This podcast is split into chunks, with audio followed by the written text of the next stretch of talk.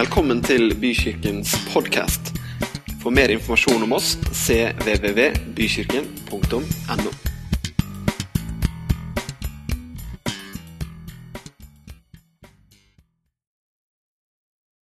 Dere, nå er det en stor glede for meg å introdusere formiddagens gjestetaler, Anne Gustavsen. Jeg tror du får komme opp hit, Anne. Og så skal du få et bord og litt sånne ting. Men dere, det er ikke sikkert det er så mange som eh, visste det, men dette her er en av mine favorittpredikanter. Ja, men det er det. Og det som er så bra, vet du, er at eh, hun, eh, hun holder taler nesten hver uke. Anne er redaktør i Korsets Seier. Og hvis ikke du vanligvis får med deg de signatur, de redaktørartiklene hennes, så er det faktisk eh, svært anbefalt å få med, få med seg. Anne er her i dag ikke fordi hun har en alder som matcher ungdomsteamet spesielt godt. Men hun er her fordi hun har et hjerte for ungdom. Ikke bare har hun det hjertet, men hun lever det også ut. Og jeg tror, Anne, at det som du lever, og det som du preker, både her direkte til oss og gjennom det du skriver, det er en røst som det er verdt å lytte til, og som jeg tror Gud har gitt oss akkurat for denne tiden.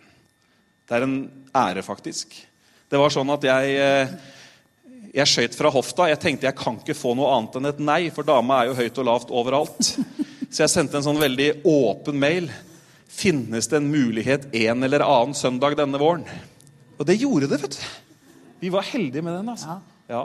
Vi gleder oss til å høre deg. Det var nok sånn som det skulle være. Det var nok det, vet du. Vær så god. Tusen hjertelig takk. Hører dere meg? Det er liksom det viktigste. da. Jeg er jo i kommunikasjonsbransjen, så jeg sier det. Det hjelper ikke hvor godt budskap vi har som uh, troende hvis vi ikke får det ut. Ikke sant? Og dere bør jo også få høre i dag. Tusen takk for muligheten. Jeg tar ikke det som noe selvfølge. Og uh, at jeg fikk komme tilbake her. Jeg har jo vært her før, og det, vet, da er det jo liksom Det er testen, da. Får du komme tilbake. og det fikk jeg. Det er nåde over nåde. Det sang mye om nåde i det nye, i første Eh, lovsangen i dag. Og så tenkte jeg yes, det er nåde at jeg får være her sammen med dere i dag. Og jeg skal bruke mulighetene til å dele med dere noe av hjertespråket mitt. Og det blir litt personlig. Det blir kanskje en annen side av Anne Gustavsen enn det man opplever gjennom Korsets Seierspaltene. Ehm, men det er i hvert fall noe som ligger meg på hjertet veldig. Og det, det passer så bra inn i den settingen dere er i nå. Jeg gleder meg over ungdommene som ble satt inn i tjeneste her, at dere tar det så på alvor, at dere gjør det så synlig for alle, at dere involverer voksengenerasjonen. Det er så bra. Og kanskje i dag kommer jeg til å utfordre spesielt voksengenerasjonen, men jeg tror også at du som er ung her, som, som er her nå, vil jeg også si at uh, du skal få noen innspill for hvordan du kan holde deg like brennende for Jesus hele livet. Ikke bare sånn instant i ungdomstida, men hele livet. Ehm, det er ikke noen nedre aldersgrense heller på det å være noen som gir noe videre til neste generasjon, eller til de som er yngre. Eh, det Sjøl var jeg i gang helt fra 20-åra, og eh, jeg tror det trengs folk i alle aldre som ser de som kommer etter. ikke sant? Så jeg vil gratulere dere i dag for det dere har gjort nå, og det kommer til å bli lysende resultater av det. Det er jeg helt sikker på. Eh, du nevnte jo det som Paulus sa til Timoteus. Si ikke at du er ung, for ung. Og jeg vil si bare til dere ungdommer, tenåringer i dag Si ikke at dere er for unge. Du kan lede. Du kan se andre liv bli forandra av Jesus gjennom ditt liv. Du kan ha andre unge som ser på deg, og som sier 'Dette livet vil jeg følge etter'. Så bare vær frimodig, du som er ung. Dere forandrer verden. Det er ikke noe mindre enn det som skjer. Forandrer mennesker. Ikke sant? Eh, og så bra at dere som er voksne, tar ansvar og, og er og puffer fram. Ikke, jeg sier det ofte i min egen menighet at vi kan ikke bare praise the youth. Vi kan ikke bare eh, heie på ungdommene. Vi må også putte ressurser inn i barne- og ungdomsarbeidet, sånn at de kan gjøre jobben. Og vi må stå der sammen med dem og støtte dem og fostre dem og ha tro på dem. Jeg skulle si litt om Korsets seier. Nå er jeg nesten inne i prekena, vet du. Men eh, det er et bord der ute i dag hvor du kan eh, abonnere på eh, ukeavisa Korsets seier. Jeg vil si det som, som, leder i en eller annen rolle så bør du ha Korsets seier for å holde deg oppdatert, bli informert, bli inspirert. Eh, se hva Gud gjør. Vi har én agenda i Korsets seier. Det er å bygge Guds rike. Og det er å hjelpe enkeltmennesker til å leve Jesus-fokuserte liv i sin hverdag. Eh, som et vanlig menighetsmedlem så vil du også trenge korsets seier i hjemmet ditt. Jeg har tro på at vi er rause med å fylle huset vårt med litteratur, med ting som, som, hjelper oss å holde fokus. Og når det gjelder neste generasjon, så ser jeg så mye Instagram-posteringer om sider fra Korsets seier som ungdommer har lest hjemme hos foreldra sine. Og så sier hun dette er kule greier. Få det fram med kommentarer og hele pakka. Så sørg for at hjemmet ditt flyter over av gode ting som neste generasjon kan få tak på. Så jeg vil bare anbefale snakk om eh, litt over 100 kroner i måneden å abonnere på Korsets seier. Vi, eh, du kan si ja, det er mange kristne aviser, og det er sikkert veldig mye å ta inn. Eh, Korsets seier, vi er litt unike må si det litt ubeskjedent. og vi ber hver uke i redaksjonen om at vi skal ha visdom til å trykke på de rette tinga til rett tid. Og um, hvis du ikke vil ha masse papir, så går det også an å få digitalt abonnement på Korsets Seier, sånn at du ikke behøver å fyre på peisen hele tida. Jeg satt i går sammen med en ung jente i vår kirke. Jeg går jo i i eh, Drammen. Og er der som mentor og veileder for ungdomslederne våre. Og eh, jeg skal begynne med For 14 dager siden da satt jeg med Sofie. Hun har gitt meg lov til å fortelle dette her. I, eh, vårt, i huset mitt hjemme, i stua vår. Og så eh, satt hun der med et brev hun hadde skrevet til faren sin. Sofie har gjennomlevd to skilsmisser. Hun bor hos pappaen sin nå og hans nye kjæreste og, og noen nye halvsøsken som hun knapt kjenner. De er ikke kristne. Sofie ble kristen for et par år siden gjennom vår kirke. og Nå spiller hun keyboard i lovsangsteamet. Hun er med i ungdomsledelsen. I dette brevet som hun leser for meg, da, så skriver hun ut sin smerte til faren om lengsler, om opplevelser av svik, om ikke å føle seg god nok, om å føle seg til overs. At hun lengter etter en pappa som ser henne og verdsetter henne. Og som anerkjenner hennes nye tro.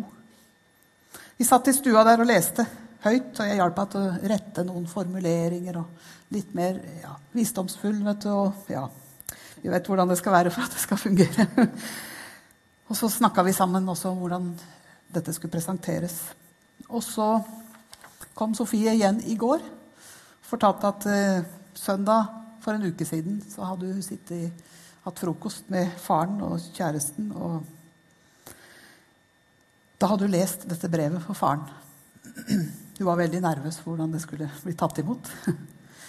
Men vi hadde bedt for ham og bedt for brevet. Og så kom hun i går. Og så spiste vi eh, thaisuppe, og den er mye chili, så det kunne jo komme noen tårer pga. chilien, men det kom tårer av en annen grunn enn den chilien. Det kom av at dette hadde blitt en sånn Tårer av takknemlighet, glede, lettelse over at dette blei til helbredelse i relasjonen mellom Sofie og pappaen hennes. Pappaen hadde grått, kjæresten hadde grått, Sofie hadde grått, og nå satt vi og gråt. Ikke fordi vi var lei oss, men fordi vi var så ekstremt glade for at dette ble redskapet Gud brukte til helbredelse i den relasjonen. Og Sofie sier det er som skuldrene mine. Det er, det, alle bilder er tatt av skuldrene mine. Vi har det så godt sammen. Vi kan snakke sammen. Og jeg fikk så mange positive overraskelser fordi jeg endelig fikk hull på byllen. Du skjønner, jeg har bestemt meg for å bruke resten av livet mitt til å hjelpe sånne ungdommer som Sofie. Det er enormt behov for det. Og jeg veit at du og jeg, alle sammen, vi kan være med på å gjøre det lettere for neste generasjon å leve Jesus-fokuserte liv, leve gode liv, men også åndelige liv. Og mitt nøkkelvers i dag det står i 2. Timoteus 4, 7. Jeg har stridd den gode strid. Nå tenker du, ja, Skal du snakke om slutten nå, eller? Nei, det er bare vent. Jeg har stridd en god strid, fullført løpet og bevart troen. Spesielt strek under 'fullført løpet'.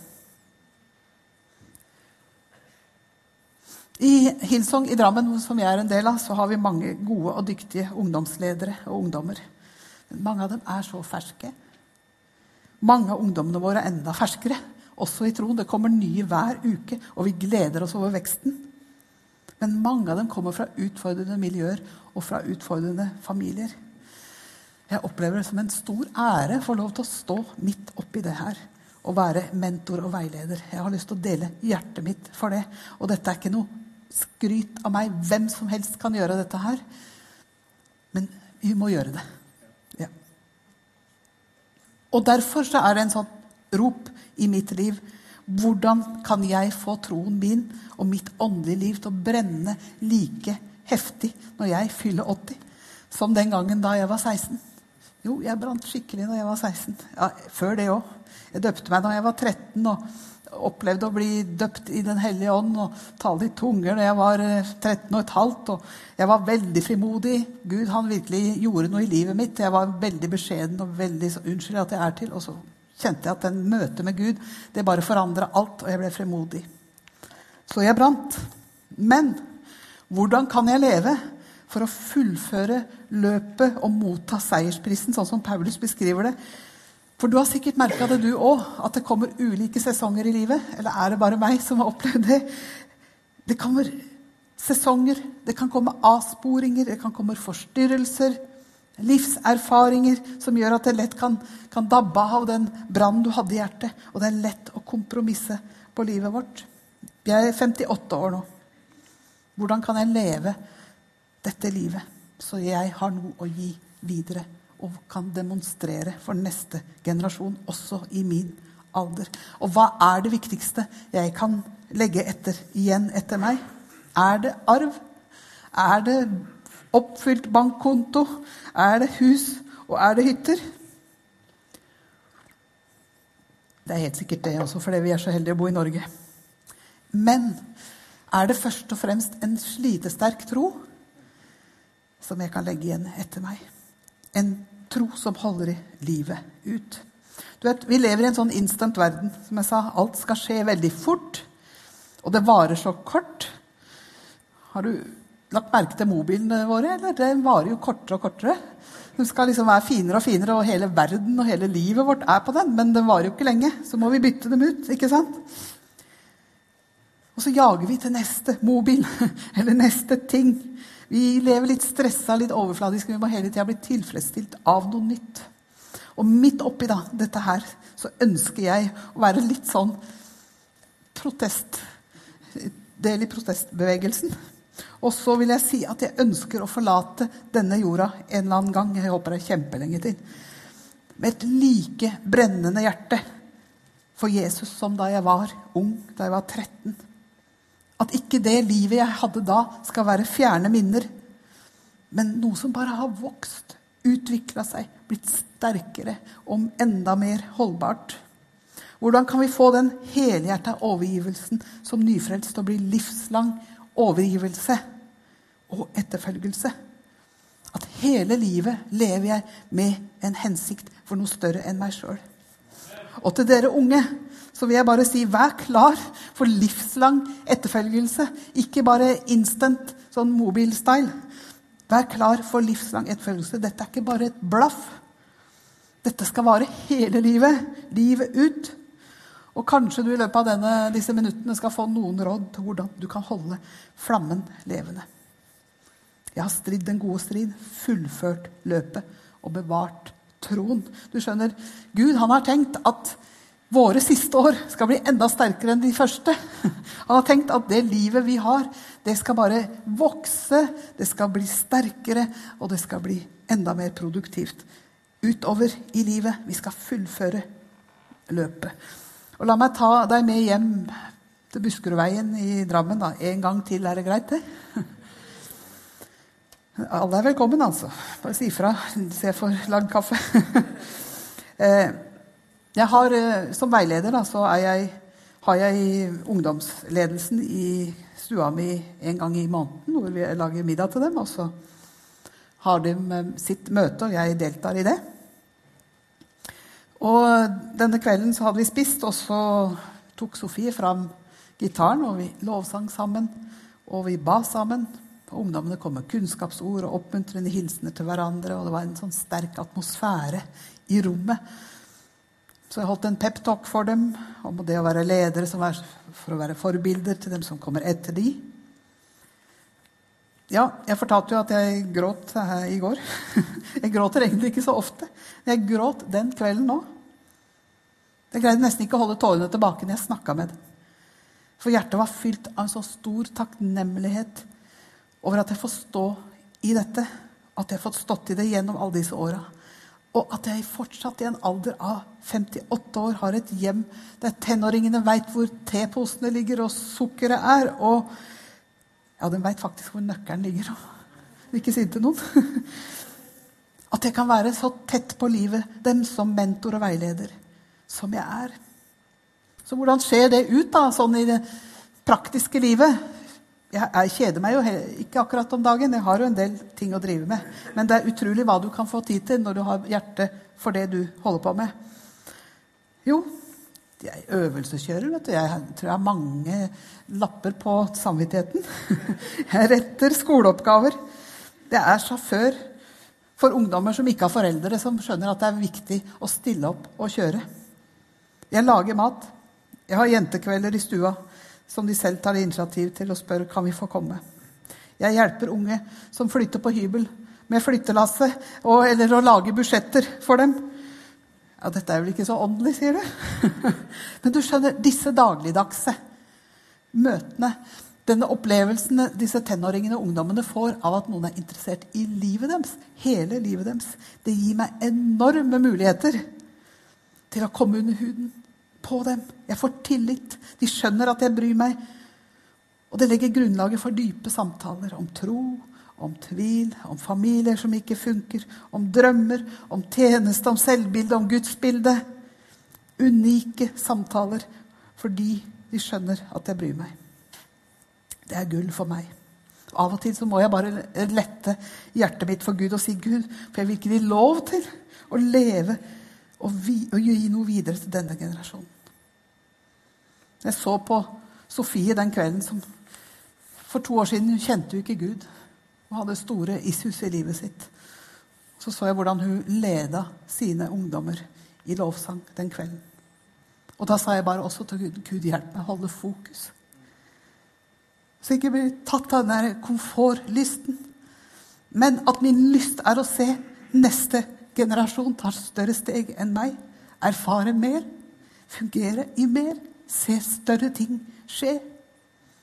Og da ber jeg Gud hjelp meg å fullføre løpet for min egen del, men også for de som kommer etter. Jeg er så takknemlig og er samtidig så ekstremt ydmyk og lykkelig over at det fortsatt brenner i hjertet. Det får stå i tjenesten blant unge mennesker. Ja, min lidenskap, min tjeneste og mine gaver de har en helt annen form i dag enn da jeg var 16 år.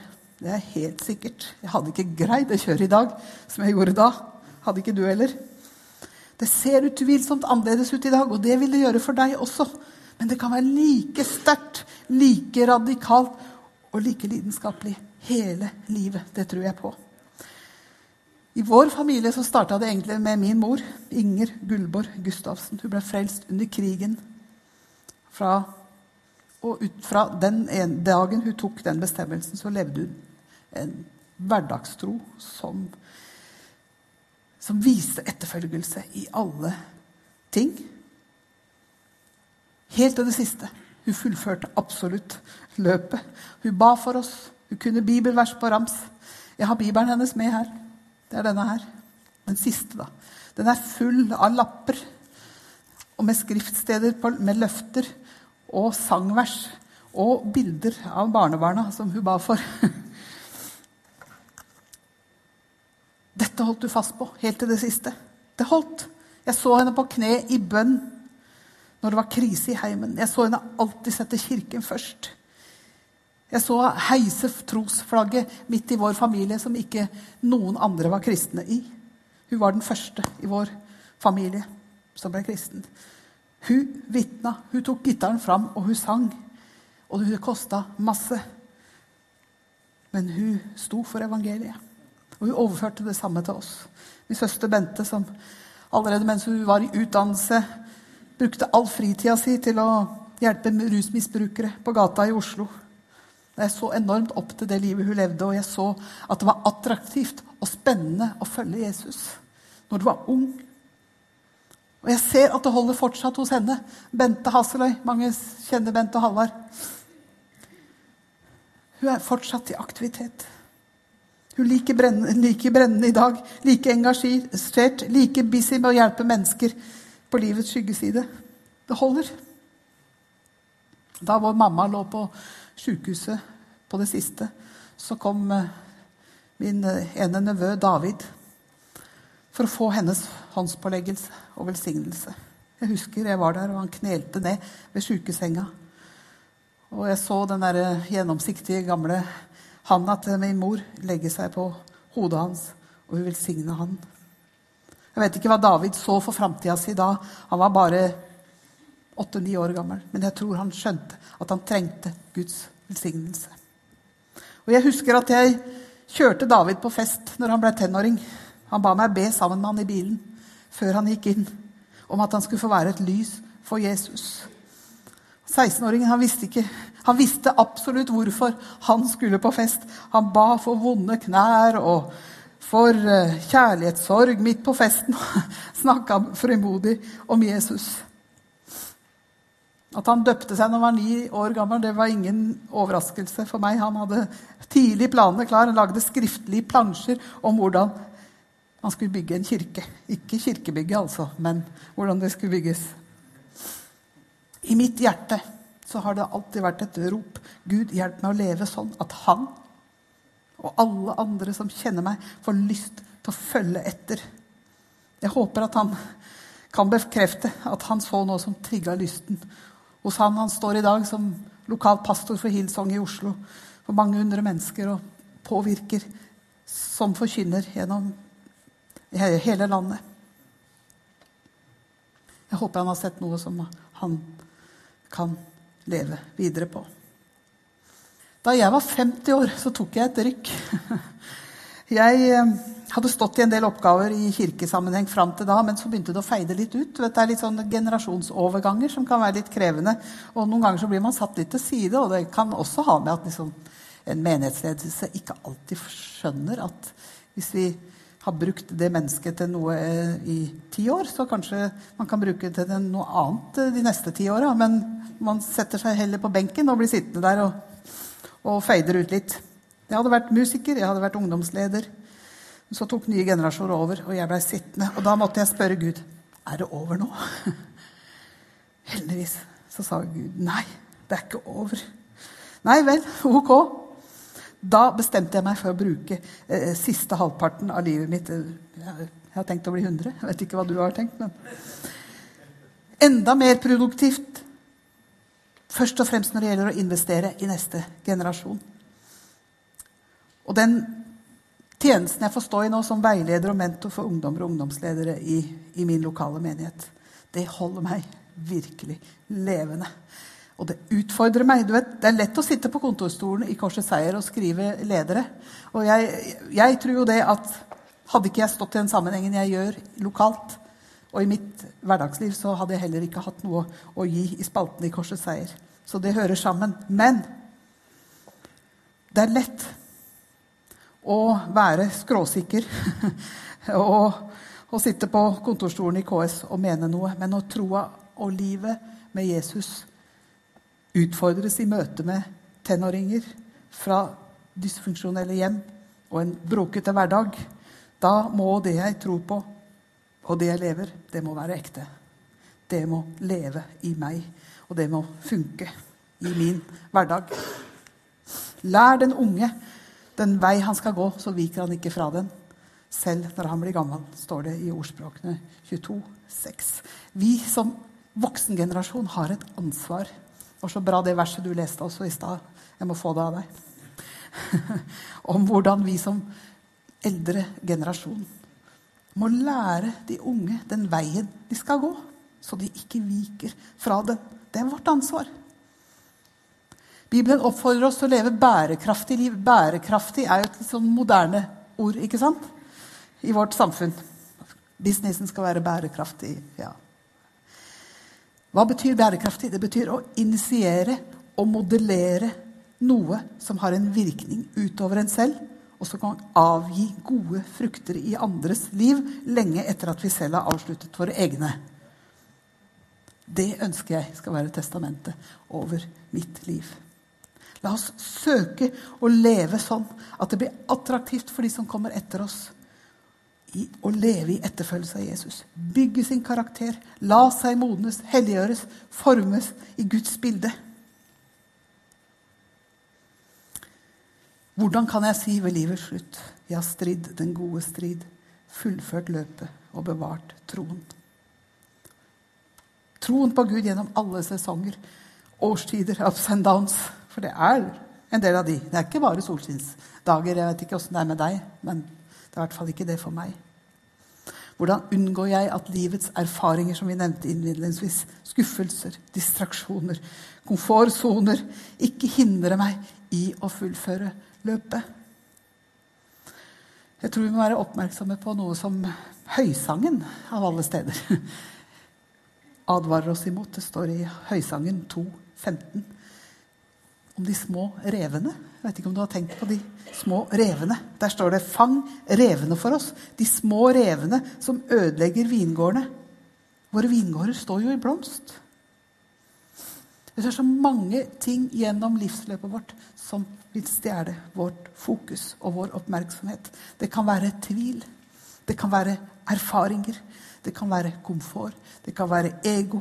Det kan være 'what's in it for me'-holdning. Kjærlighet til andre ting bekymringer, sykdom, likegyldighet, kritisk innstilling, dårlige erfaringer, skuffelser, kanskje det er menneskefrykt til og med, og misnøye. Dette er sånne små rever. Har du, har du lagt merke til, eller veit du litt om det? Hvordan de funker? Du, du skjønner, De kommer helt umerkelig, og så snapper de fort med seg litt og litt. Vi merker ikke før det er for seint at de har vært der. De går nesten i ett med naturen rundt seg. De er smarte, og de er listige. De sniker seg innpå det de vil ha tak i. Og i rett øyeblikk så snapper de det. Og så er det borte før noen har registrert hva som egentlig har skjedd. Før vi veit ordet av det, så har vi kanskje mista noe verdifullt. Håper dere skjønner bildet, men det, jeg vil si nå, det er ingen som planlegger å flytte seg fra første benk til siste benk. Og nå må dere skjønne bildet mitt. Jeg mener ikke at det er feil å sitte på siste benk, dere som sitter der. Men dette er et bilde på at det er så lett at ting skjer umerkelig. Et skritt av gangen, en benk av gangen. Skjønn bilde. Plutselig sitter jeg bakerst og har kobla meg av. Umerkelig. Gradvis har det skjedd. Fra å være en som alltid er der, står på, bærer, tar ansvar, er lidenskapelig i lovsangen, er et forbilde for de andre, til å sitte som en tilskuer. Det kan skje så umerkelig. Det er ingen som planlegger det, men det kan bare skje. Jeg tror at uten at vi lever med en tett relasjon med Jesus hver dag, uten et våkent åndelig blikk, inspirert av Guds ord og Den hellige ånd hver eneste dag, så blir vi mye lettere utsatt for disse små revene som er ute etter å stjele troa di, tjenesten din, gleden din og drømmene og visjonene dine. Jeg tror vi må lære å kjenne Den hellige ånd og leve med Han hele tida, så vi kan samarbeide med Han i vårt hverdagsliv, i små og store ting. Det er livsviktig for å holde tvilen, frykten, svakheten og mismot på avstand. Det at vi lærer oss å tre inn i Guds nærvær og høre hans stemme, som kan lede og råde oss i små og store ting midt i en travel hverdag. Det er livsnødvendig for at vi kan navigere stødig i en verden med mange stemmer som vil ha oppmerksomheten vår og få oss ut av fokus. Og så må vi plassere oss der vi kan holde oss varme, midt i Guds menighet. Et pulserende lokal menighet. Og så må vi leve i full overgivelse til Jesus hver dag. Ta ansvar for vår egen åndelige ernæring. Noe av det verste som revene stjeler fra oss, er frimodigheten. Det er visjonene. Det er tryggheten, og det er målbevisstheten. Vi står i en åndelig kamp. Vi liker kanskje ikke å snakke om det, men vi gjør det. Om sinn og tanker og fokus. Det er ikke til å undres over at vi blir bedt om å ta hver tanke til fange under lydigheten mot Kristus.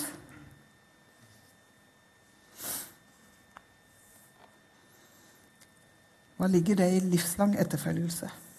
Det ligger en daglig bevissthet om å bevare hjertet framfor alt vi bevarer. For livet går ut ifra det.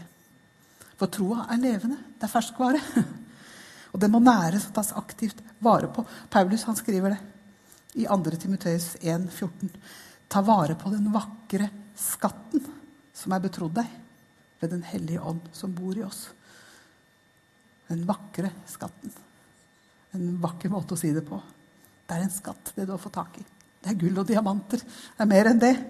Og Kolossensebrevet 2,6-7 sier dere har tatt imot Kristus Jesus som Herre. Ja, det har du gjort. Lev da i Han. Vær rotfestet i Han og bygd på Han. Hold fast ved den tro dere er opplært i, med overstrømmende takk til Gud. Jeg trodde en gang jeg skulle bli lærer, og jeg er opptatt av språk. Men Jeg er ikke så god på grammatikk og sånn i teorien. Men her har vi med noe som heter imperativ å gjøre. Har du lagt merke til her? Bydeform. Aktiv handling. Ta vare på, sier Bibelen. Lev i. Hold fast. Vær rotfestet. Skjønner vi hvilken skatt vi har med å gjøre? Skjønner vi hva vi holder på med? Vi må ta vare på det. Vi må beskytte det, vi må leve i det for vår egen del. For når vi gjør det, så har vi noe gitt neste generasjon. Vi må holde blikket festa på Jesus. Og Hebreerne 12,1 sier det sånn Derfor, når vi har et så stor sky av vitner omkring oss, så la oss legge av alt som tynger, og synden som så lett fanger oss inn, og med utholdenhet fullføre det løpet som ligger foran oss, med blikket festa på Han, som er troens opphavsmann og fullender Jesus. Med blikket festa på Jesus vil vi fullføre løpet. La oss be, som Salme 339 sier, vers 23.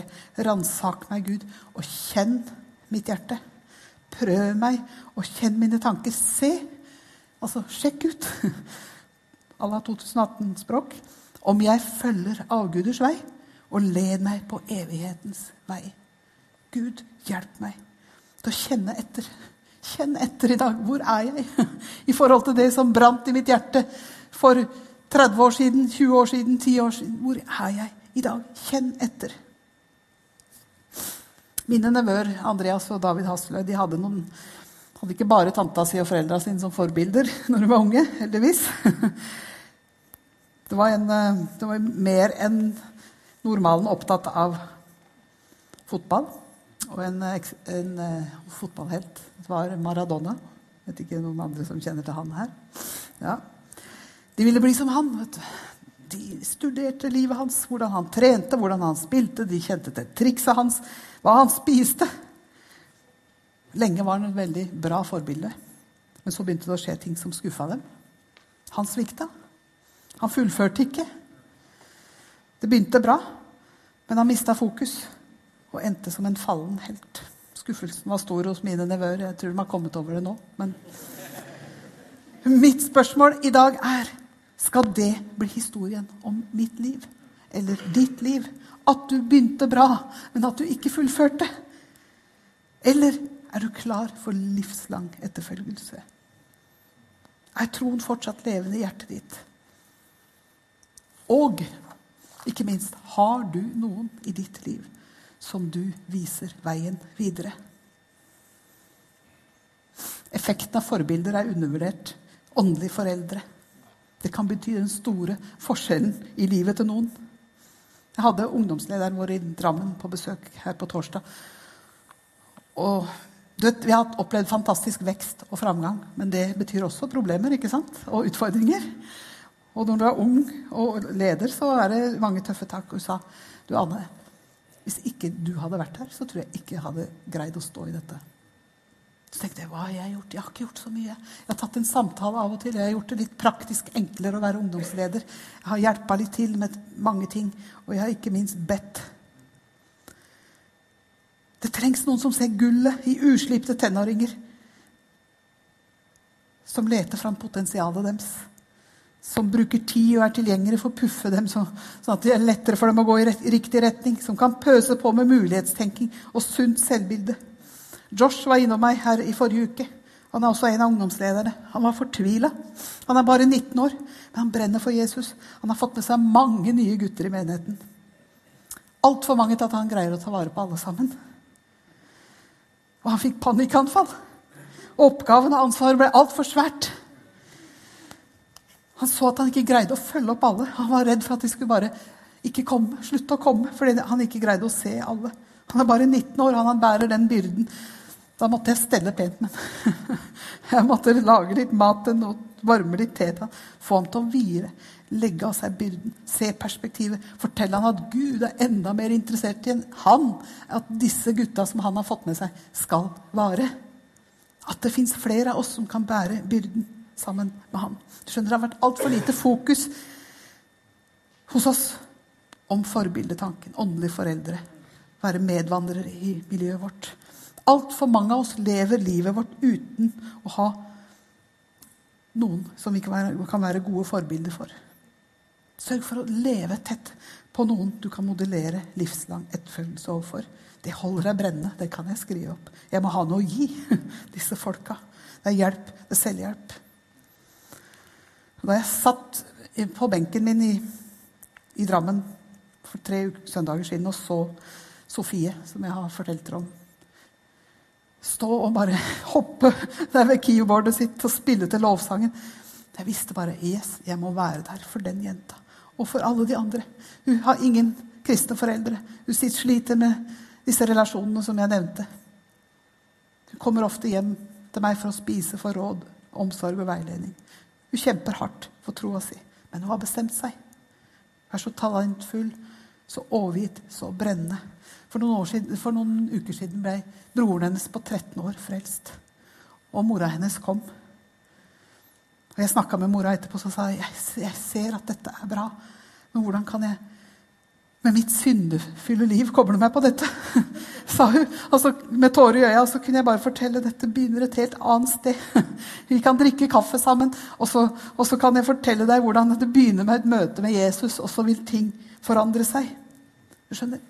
Jeg har ikke råd til å gå og drive. Jeg vet ikke om du har lest om David, kong David. Han var jo en fantastisk kriger, men han et øyeblikk så hoppa han litt av. Istedenfor å være ute i krigen, så gikk han på taket og dreiv, står det i Bibelen. Det står faktisk det at han gikk, Og det var langt utpå dagen òg. Og da så han Batseba, og så falt han i synd. Du skjønner, Vi har ikke tid til å gå og drive. Vi må være der for hverandre. Jeg vil være der for disse ungdommene jeg ser. Kan du være der for noen av de du har i din omkrets? La oss be om nåde, så vi kan leve som gode forbilder i livet ut, sånn at det sier, sies om oss. Husk på deres veiledere, dem som har talt Guds ord til dere. Følg etter deres tro, og legg merke til utgangen av deres ferd. Hør, det er noen som legger merke til av ikke bare starten, men utgangen av din ferd. Det må være noe i våre liv som er verdt å ta etter. Og Jeg skal avslutte med å bare beskrive litt for dere hjertespråket mitt i forhold til hva vil jeg gi videre. Jeg vil gi videre at det er mulig å lovsynge og tilbe like lidenskapelig i dag som da var jeg ung. At når jeg faller, så er det mulig å reise seg opp igjen og gå videre. Jeg vil gi videre at jeg tjener Gud like trofast i dag som da jeg var nyfrelst. Jeg vil gi videre at jeg prioriterer like radikalt min tid, min økonomi, mitt fokus like radikalt som tidligere. Jeg vil gi videre at jeg, vil, at jeg elsker Jesus av hele mitt hjerte enda mer etter å ha levd med han så lenge. At det er mulig å holde nådegavebruken levende. At det er mulig å leve kompromissløst i forhold til synd. Jeg vil gi videre at ikke vantro og dårlige erfaringer skal få bremse min frimodige tro på at Gud fortsatt er allmektig. Det vil vise at jeg fortsatt er sulten på mer at det ikke er blitt en vane, men at det er mer land å innta. Jeg vil ikke gå og drive, men jeg vil vise at det er ikke noe alternativ å sette seg på sidelinja, men at det er fullt mulig å fullføre løpet med stil. Jeg leser boka av Brian Houston nå, som jeg glemte å si. Hvis du abonnerer på Kors og Seier, så får du den gratis. Den heter 'Det finnes mer'. Det finnes mer for deg som er 40 pluss, 50 pluss, 60 pluss, 90 pluss. Og jeg kjenner at jeg vil ha mer. Jeg vil ha mer for å gi det videre. Vi er født med en hensikt. Gud fryder seg over oss. Våre svakheter. Han veit om de, men han kjenner også våre styrker og våre muligheter. Og han bøyer seg ned til oss i vår svakhet og vår ufullkommenhet. Og så sier han, 'Hei, kom igjen. Bare vær villig. Så skal jeg gå sammen med deg og være alt du trenger for å fullføre løpet. Gud velsigne deg til å fullføre løpet.